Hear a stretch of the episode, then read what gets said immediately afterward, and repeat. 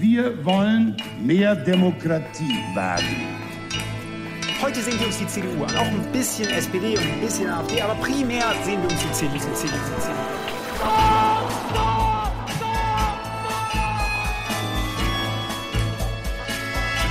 Niemand hat die Absicht, eine Mauer zu errichten. Ich weiß, ich habe heute Morgen in den Spiegel geguckt und dachte, wer ist denn die Hotte Bitch? Werden schon in wenigen Jahren blühende Landschaften, blühende Landschaften geworden sein. Früher waren wir Lametta. Wir haben so vieles geschafft, wir schaffen das. Hallo og velkommen til Tyskerne, episode 109 i studio. Ingrid Brekke. Og Kai Schwind. Dette er en politikkspesial, og i dag skal vi snakke om koalisjonsavtalen som den kommende såkalte trafikklysregjeringen la frem onsdag. Og vi skal ha et lotteri. Det skal vi forklare mot slutten av episoden. Men først, plutselig kom nyheten om at koalisjonsforhandlingene var avsluttet, og hvordan den mulige fordelingen av ministerpostene mellom de tre partiene kunne se ut. Et 177 sider langt dokument ble sendt rundt, og det ble kalt inn til pressekonferanse. Jeg regner med at du også så på den, Ingrid. Hva syns du? Jo, det var en spesiell eh, form for sjanse, vil jeg si. Altså, de har jo sittet i flere uker, Sosialdemokratene, Fridemokratene og De Grønne, og forhandla. 300 politikere i 22 grupper. Uten at noe har lekt ut. Ja. Så det var jo så enormt spennende når de da endelig skulle komme og si hva det er de skal gjøre. Ehm, og så står de der da på scenen, det var vel en sånn ti minutters forsinkelse. Uh, jeg så på Tagershow hvor hun stakkars uh, reporteren med mikrofonen må stå sånn og snakke og snakke og snakke og finne på ting. Eh, så kommer de frem, og så begynner jo Olaf Scholz og presenterer Først så snakker han vel om korona, så kommer han med, med sin presentasjon. Og så følger de på da eh, Habek, eh, Lintner. Og så kommer det til en liten sånn rar episode som har blitt mye referert, nemlig at eh, så begynner, Ber, nei, så begynner eh, Saskia Esken å snakke. Eh, altså lederen for Sosialdemokratene, og så sier Habek sånn eh, Men var det ikke Berbok nå? Var det ikke Anna-Lena? Yeah. Eh, og så får Anna-Lena da snakke, og så blir det etterpå kommer de to sosialdemokratiske Men så var det jo litt gøy, for de først hadde Walter Boyens, altså kollegaen til Saskia Esken, så de glemmer Saskia Esken da likevel, så hun kommer helt til slutt. Så det var litt sånn snubling da. Det var et eller annet rart med dramaturgien, og Ja. da virker det ikke så samkjørt. Jeg vet ikke, Var det blitt mye adrenalin, eller hva Ja, var nei, det som skjedde da? Ja, nei, det, det var det sikkert. Altså, jeg syns de virka nervøse. Ja. Og så tenker jeg også at de kanskje var litt dårlig forberedt, fordi Ja. at de har satt jo til siste liten og forhandla omtrent. Og, og jeg syns også måten de um, altså, de snakka uh, litt sånn overlapp, og, Mm. det var og litt for langt, og det var liksom ikke så uh, godt koordinert og godt planlagt, uh, fikk man følelsen av. Men det er jo egentlig ikke dette som er det viktige. For hva er det viktige? Jo, hvordan blir Tyskland i fremtiden? Ikke altså hva er det de nå har eh, kommet fram til, da? Eh, Har du lest alle de 177 sidene, Ingrid, av den nye koalisjonsavtalen? Nei, jeg har Nei. ikke det. Men jeg har lest, eh, jeg har lest noen sider. Ja. Jeg har lest eh, noen utenrikspolitiske sider og noen eh, miljø- Mhm. og energipolitiske sider, f.eks. Så, eh, så det er Ja, vi får se. Det er ikke sikkert det blir så mye mer. Men jeg tenkte at noe som er veldig interessant, det er jo bare å si litt om selve tittelen. Ja, ja, den er spennende. Eh, ja, for de har da kalt den eh, Denne avtalen heter da Eller har mottoet, kan man kanskje si, Mer Fortschrittwagen. Bündnis für Freiheit, Gerechtigkeit und Nachhaltigkeit. Og det derre eh, våge mer fremskritt, det er jo en direkte henvisning til Willy Brandts eh, Våge mer demokrati. Mhm. Vi har i introen vår, ja, som Som dere vi har i nettopp hørte. Ja. Som er så berømt fordi det var det han hadde som eh, da han eh, danna den første sosialdemokratiske regjeringa etter krigen i Tyskland. Eh, da hadde, man, hadde jo CDO regjert i masse, masse år. Så det er jo en måte å si nå på at også nå blir det noe annet altså, Ja. enn det som har vært. da. Og så har de da, eh, hvert av partiene, fått si, sin eh, viktigste verdi eh, i, da. Eh, Med, med frihet. EFTP, er FDP, rettferdighet, er Sosialdemokratene bærekraft De grønne. Mm, så da fikk de brandet hele av, avtalen, sånn veldig plakativ egentlig nesten. Ja. Fordi man spør jo også altså, FDP ble jo fortsatt litt latterliggjort, har jeg hørt eh, i mange kommentarer med det frihet. At hva slags frihet snakker vi egentlig om? Man må det være del av det label fra avhandling? Men ok, greit da. Det speiler jo kanskje litt sånn balansen mellom dem.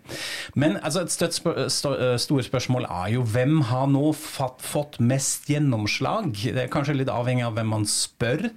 Er det FDP ikke sant, som, som blir i hvert fall presentert på denne måten? Lindene som som beinhard forhandler, og nå speiles det også i programmet? Eller er det De grønne? Jeg har jo fulgt litt med også, og mener at det er mye grønn politikk gjennom hele avtalen. Hva tenker du? Kan man svare på det? Jeg syns det er kjempevanskelig, fordi de har jo fletta ting så veldig sammen på Ja. litt sånn annen måte enn enn som har vært vanlig, kanskje. Um, og jeg er jo enig med deg i at altså, alt virker veldig grønt.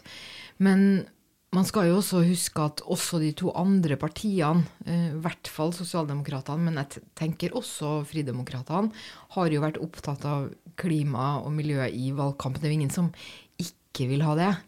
Sånn at det der å legge alt grønt er liksom de grønne seier, det tror jeg ikke helt stemmer. For det er jo faktisk noe de alle har villet, og så har bare de grønne villet gå mye lenger da, enn de andre. Ja. Sånn at uh, det ligger vel et sted i den balansen mellom hva har de grønne Altså hvis bare de skulle bestemme, så hadde det selvfølgelig vært enda grønnere. Eh, og så tenker jeg man kan se en del steder at sosialdemokratene demper ned litt. Eh, men men eh, jeg vil tro altså alle de eh, sosialdemokratiske klare valgløftene er jo oppfylt. Med minstelønn og, og um, eh, boligbygging, som var veldig viktig for, eh, for Scholz i, i valgkampen. Ja. Eh, og det blir jo ikke skatteøkning, eller det i hvert fall ikke nevnt i, i, i eh, avtalen, og det er jo FTP sin, sin store sak. Sånn at jeg tenker det nettopp fordi de har gjort det som en slags sånn Det er ikke så atskilt hva som er de forskjellige partiene sine områder og sånn. Det er virkelig en slags eh, sammensydd, så er det ikke så lett å svare akkurat på det hvem har fått Ja. eh, mest og sånn. Og da kommer kanskje de litterariske ferdighetene til en forfatter som Robert Habeck til uttrykk her. At, at det er litt en annen dramaturgi kanskje i en, i en sånn avtale enn man har vant til før. ikke sant? At man opererer litt mer med sånne røde tråder og retorikk, sånne ting. Det, ja. Ja, og så må jeg jo si at altså, det, det, er, det, det jeg har lest, men også på pressekonferansen og litt sånn ellers var at det, det, er, det er jo et oppbrudd. Altså, det er ganske heftig og nytt og annerledes, altså. Eh, og dette som man gjerne sier at CDO i sine år, de fungerer jo som en slags bremse på alt, fordi det er det som, som er på en måte det konservativets kjerne. litt sånn, er Det er jo ikke det at de er mot grønn politikk eller, eller teknologiutvikling, eller noe, men det der at man bare skal vente litt. Ja. Mens nå er den bremsa borte, og nå er det liksom tut og kjør. Og så er det jo også alltid noe annet. Hva er det man blir enige om i en sånn avtale og har som mål? Og så kommer jo nå hva får de til? Ja. Ja. Men det, det jeg mente kanskje også, at det finnes områder da, altså f.eks. også med tanke på likestilling og en noe sånn eh, styrke, sterking av transrettigheter som eh, tran, Rettigheter til transpersoner, som det heter, eh, som Grønnpartiet fikk gjennom. altså Dette er en paradigmeskift uh, i tysk politikk, og det tror jeg det er lett å selge til, til de grønne velgerne på, på denne måten. Ja, og også dette med stemmerett for 16-åringer, Ikke ikke sant? sant? som er en Ja. sånn, det er veldig sterk symbolsak. Ja.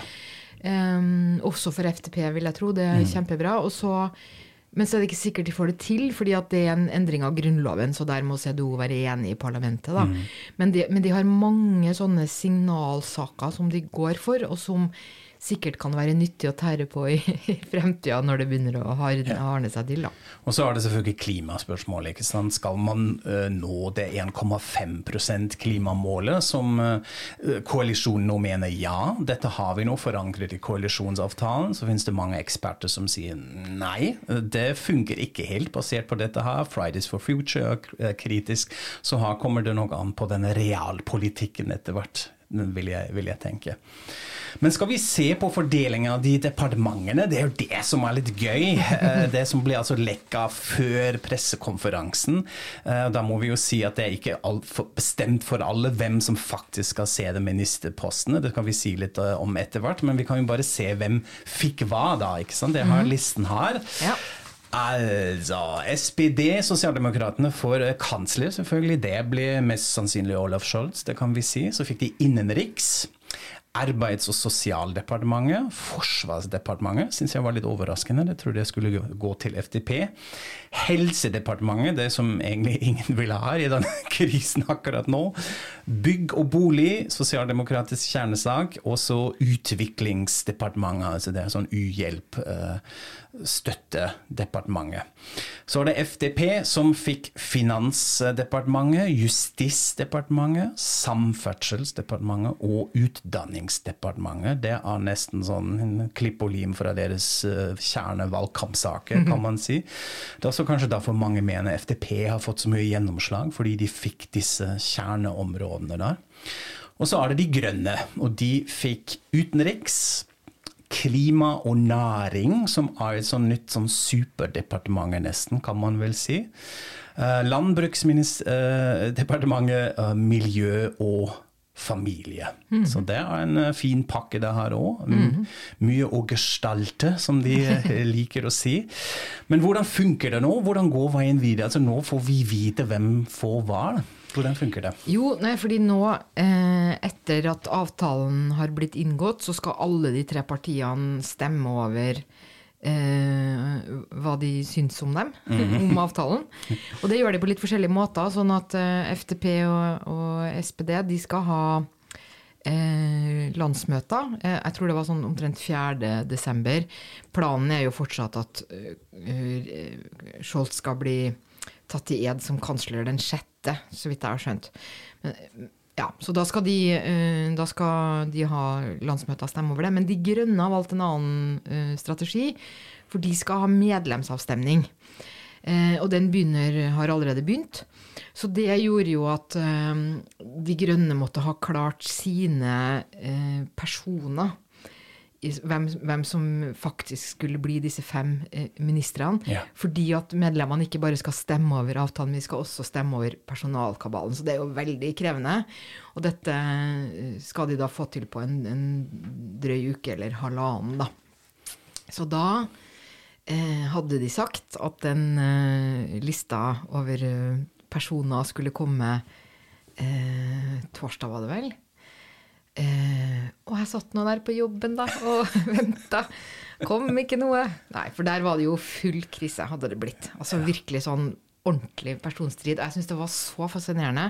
For det har vært så mye snakk om hvordan De grønne har klart å være så uendelig harmoniske så veldig lenge. Ja. Eh, og da tenker man jo alltid først og fremst på den eh, fløykonflikten som de har innebygd på en måte mellom eh, Realos, altså de på høyresida, og også venstrefløyen. Ja, Realos und Fundis, som Ja. det heter på tysk. Ja. Ja. Men eh, der siste, liksom siste to meterne, der sprakk det. Eh, så det kom ikke noe liste da før sent, sent på kvelden. Um, og det det handla om, var jo at lista som først var blitt foreslått, eh, inneholdt for mange realos, da. Ja. Uh, og den som har gått mest tapende ut av dette, er vel Katrin Gøring Eckhart, som ikke har fått noe post, så vidt jeg skjønner. Men vi kan jo si hvem som har fått, da, og hvordan det blir. Og da er jo det blir jo De to som ikke er overraskende, er jo da uh, Anna-Lena Baerbock uh, utenriks. Og så er det Robert Habeck, dette superdepartementet med klima, næring, energi. Eh, og så ble det Cem Østemir. Ja. ja, som ble landbruksminister. Det var litt rart at han blir landbruksminister. Det Syns jeg også. Så kommer Østemir, en veldig anerkjent uh, tysk uh, grønnpolitiker med sånn tyrkisk opphav, har tyrkisk familie, er født i Baden-Würtemberg og har egentlig hatt et sånn utenrikspolitisk profil hele tida. Han har jo blitt kjent fordi han klasja med Erdogan på sånne møter osv. Så, videre, og så, videre. så mange var jo litt sånn ok, det kan jo være en god idé, men så er han jo omstridt i partiet òg, ikke sant? Det er ikke så lett med han, antageligvis. Nei, altså, jeg, men jeg, jeg, tenker jo at det viktigste er jo Jeg er jo da fan av Østemir, jeg bare ja. sier det som det er. Jeg syns han er så um, intellektuelt smart og veltalende og karismatisk. Men han er jo også veldig populær. Altså, han, han fikk jo et kjempesolid direktemandat, og han mm. er veldig populær sånn generelt i, i Tyskland. Da. Men han har uh, et par uh, problemer, og det ene er jo det altså For det første så vet jeg ikke om han kunne blitt utenriksminister rett og slett fordi han er for hard i kantene. Altså ja. sånn mm. uh, Det ville kanskje være å spore for, eller legge opp til konflikter helt fra start som man kanskje ikke en ny regjering har noe interesse av. Mm. Men, men det som har vært vanskeligst for han, er jo at han er omstridt internt. Og jeg snakka med folk i De Grønne om dette i, i, sommer. Hva er det med han? Hvorfor får han ikke liksom, disse fremstående postene så lett? Og da er det det at han regnes som en slags uh, solospiller. Og at da han var partileder sammen med en dame som er pinlig nå har glemt navnet på, Simon Peters, kanskje, ja. Mm. Ja. så overstrålte han hun for mye en grunn at man har glemt navnet hennes, fordi han ja, tok så mye plass. Ja, ja, nettopp. Ja. Og dette er jo mm. nettopp det uh, man kan se hvordan Habek har jobba med å ikke gjøre med Baerbock. ikke sant? At ja. det er så viktig for De grønne, eh, ikke bare at de skal ha kvinner i fremstående posisjoner, men at de ikke vil ha disse mannlige politikerne som bare brøyter seg frem og har spisse albuer og overskygger sine kvinnelige kolleger. Og der har da Østemir eh, synda.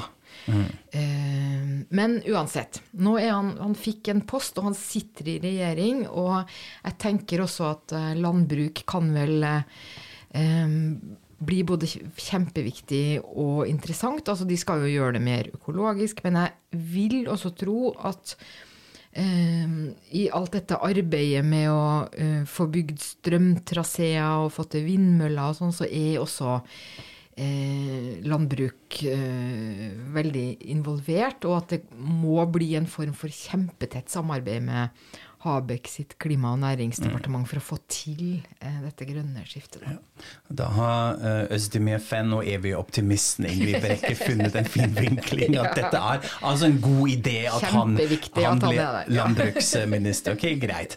Men for SPD må det jo bli litt mer vanskelig nå. Altså Olaf Scholz, eh, deres litt sånn elsk-hat kandidat, konservativ fløymann innenfor SPD, som må nå forsvare det mulige nye kabinettet, dette personaltablået som man kaller det. Og da er det jo nå uh, Juso-møte i helgen, faktisk, i min hjemby Frankfurt. Altså ungdomsorganisasjonen uh, innenfor SPD, hvor han skal møte opp, holde en tale, og da forsvare hans plan. Det må jo bli litt krangling. Eller hva tror du? Hvordan har det blitt tatt imot? Ja, altså jeg vet ikke. Altså, jeg tenker at Nå har de jo klart å holde seg selv i, i sjakk så lenge. Det kan selvfølgelig hende at det rakner sånn som det gjorde litt for De grønne, men, men jeg tror faktisk at uh, uh, det blir litt symbolske protester og sånn, ja. fordi det hører på en måte med til rollefordelinga. Mm. Men uh, jeg tror for det første at de er ganske med på laget involvert, f.eks. via Kevin Kynert og sånn. Mm. Og så vet man jo ikke helt hvem som blir ministre, så det kan jo hende at de har fått noen godbiter der som ikke er kjent. Um, fordi man, det man vet fra SPD, det er jo Scholz som kansler, og så mhm. vet man hvem som, er, som blir såkalt kansleramtsminister. Uh, som er Scholz sin høyrehånd, som jeg akkurat nå har glemt hva heter. Men han får den posten, og det er også en, formelt en, en ministerpost, men han er jo på kontoret til, til Scholz. Da. Det er sånn som Altmaier har vært. Ja, riktig. Ja. Mm. Um, og så er det kjent at det er Hubertus Heil fortsetter som arbeids- og sosialminister. Minister. Mm. Og der kan det jo bli litt krangling, fordi han representerer jo den gamle grå kår, den store koalisjon. Han har vært havner i clinch med users mange ganger, så da kunne man sikkert tenke at de syns det er litt lame at han får lov å fortsette. Får man se. Men så har de jo også en sånn intern vervrulett akkurat nå. Det er f.eks. ikke avklart hvem som skal være en ny generalsekretær. Da er det jo, det var jo Lars Klingbeil, men nå da er det mange som sier kanskje det ble Kevin Kunat allikevel, som har jo en fot inn i Jusos. Så han er med som de kandidatene, så kanskje de er litt opptatt av det også. Mm -hmm. så det er jo en fin, fin distrahering. Og så er det jo uh, masse greier nå rundt uh, Karl Lauterbach. Ja. Blir han helseminister eller ikke? Mm. Da må vi kanskje si litt hvem Karl Lauterbach er. Altså, han er kanskje noen av de mest kjente personlighetene nå under koronapandemien. Fordi jo, han er SPD-politiker, men han er også virolog. Uh, en, mest, en, av de mest anerkjente, som har vært i media massevis og har forklart pandemi og har mange meninger. Ble også litt omstridt uh, pga. dette, fordi uh, mange mente han var litt overeksponert med sine meninger. Men han er jo helt klar et, en ekspert uh, hvor man sier dette er nesten litt opplagt, at han burde bli helseminister nå. Ja, nei, Det er kjempedilemma for SPD. For skal de velge den profilerte Jeg hørte forresten i dag Jeg var på sånn pressemøte med en statsviter fra, fra universitet som sa at de har gjort sånn talkshow-statistikk, og han er den som har klart har vært i flest talkshow det siste året. Ja. Så han er veldig profilert, veldig godt likt, veldig høyt respektert og fagperson. Så skal man da velge han, han som helseminister, og så, og så, betale prisen med å få en som vel må sikkert kunne, kan betegnes som vanskelig. For mm. han er en solospiller som ikke hører på andre. Pluss at vi må tåle denne rheinische uh, dialekten hans, okay. som mange syns er litt slitsom. Det sa jeg ikke høyt nå, beklager, vi klipper dette ut. Eller skal de da velge en eller annen De sliter jo litt med kvinnekvota si, f.eks. Ja. Mm. Skal de velge en som ikke er fagperson, men som er en dyktig politiker på, på en annen måte? Så det er kjempedilemma for SPD. Det blir veldig spennende å se mm. uh, hvordan det går. Uansett veldig viktig, fordi det er jo også det som Olaf Scholz selv påpekte nå under den pressekonferansen. Det var jo første setningen han nevnte, som du sa, ikke sant? at korona er fortsatt eh, den største krisen som vi må håndtere nå. Det er det viktigste, det er det vi må begynne å jobbe med. Og det er helt sant, det er jo alle Vi snakka om det i siste episoden. ikke sant? Altså Tallene stiger sinnssykt. Det er en full-on-krise mm. midt i fjerde bølgen, og politikken har sviktet samfunnet da. Mm. Så de må begynne å jobbe med dette. Ja, jeg snakka med en i en venn i Berlin i dag faktisk som fortalte at eh, vi hadde jo dette forklaringa av hva 2G og 3G var sist, men uh, han uh, kunne fortelle at nå er det som har blitt vanlig, det som heter 2G pluss. Mm -hmm. ja. som betyr at du selv om du er, har vaksinepasset ditt i orden, må du i tillegg komme med test. Ja.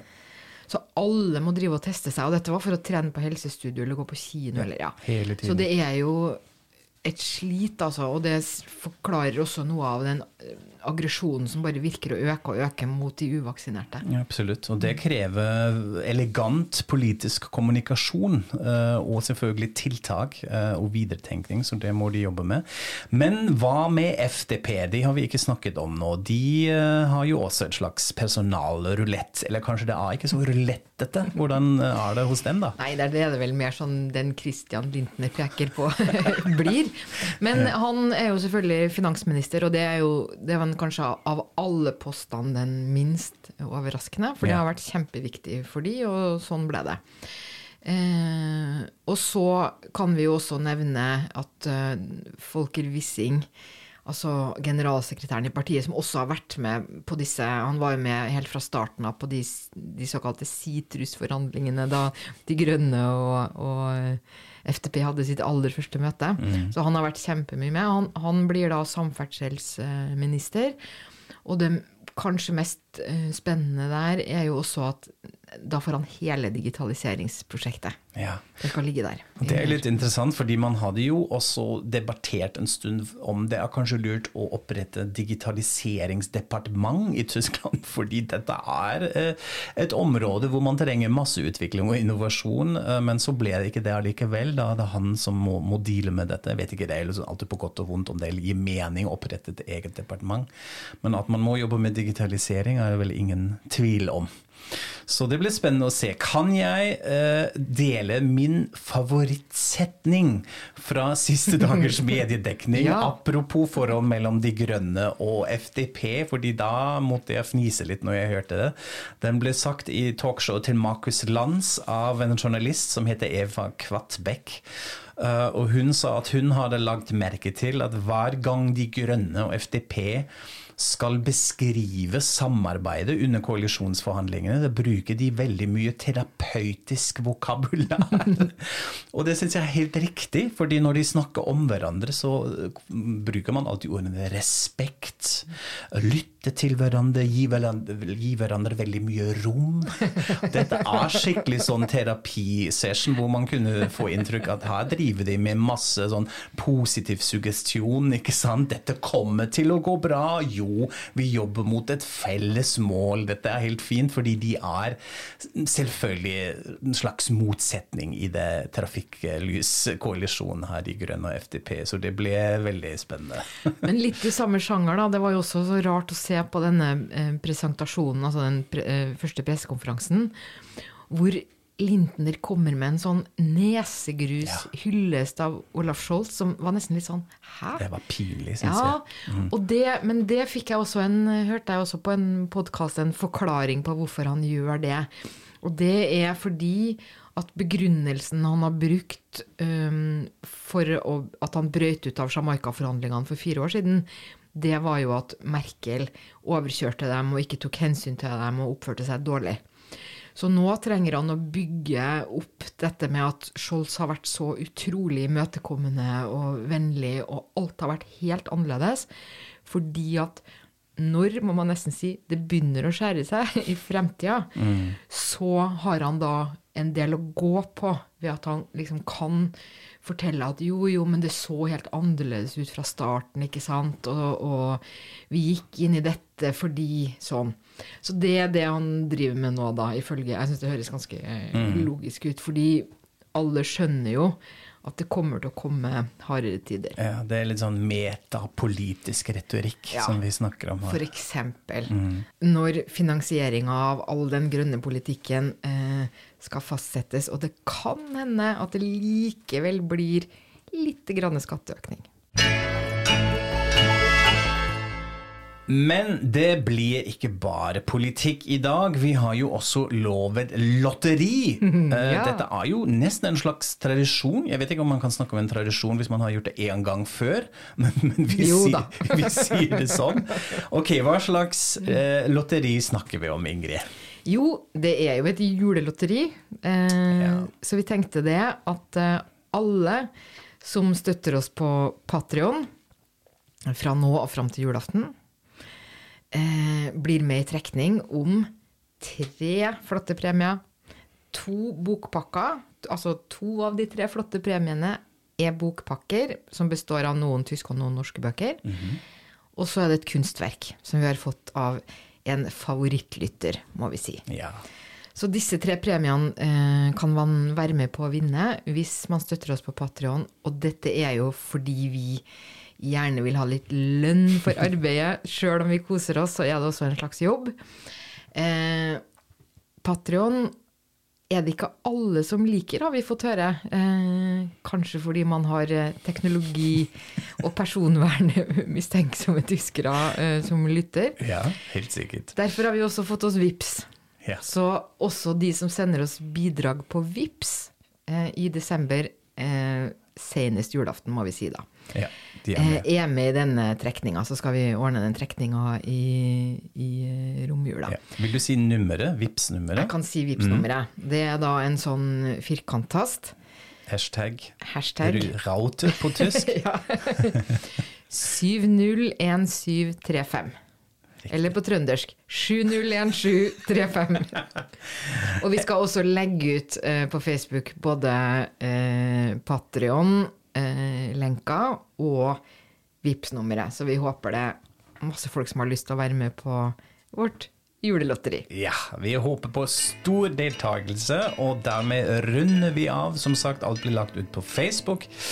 eh, hvor dere igjen må følge oss ellers. Vi legger ut massevis eh, der også. Så sier vi takk for oss, og auf Wiederhøren. Auf Wiederhören.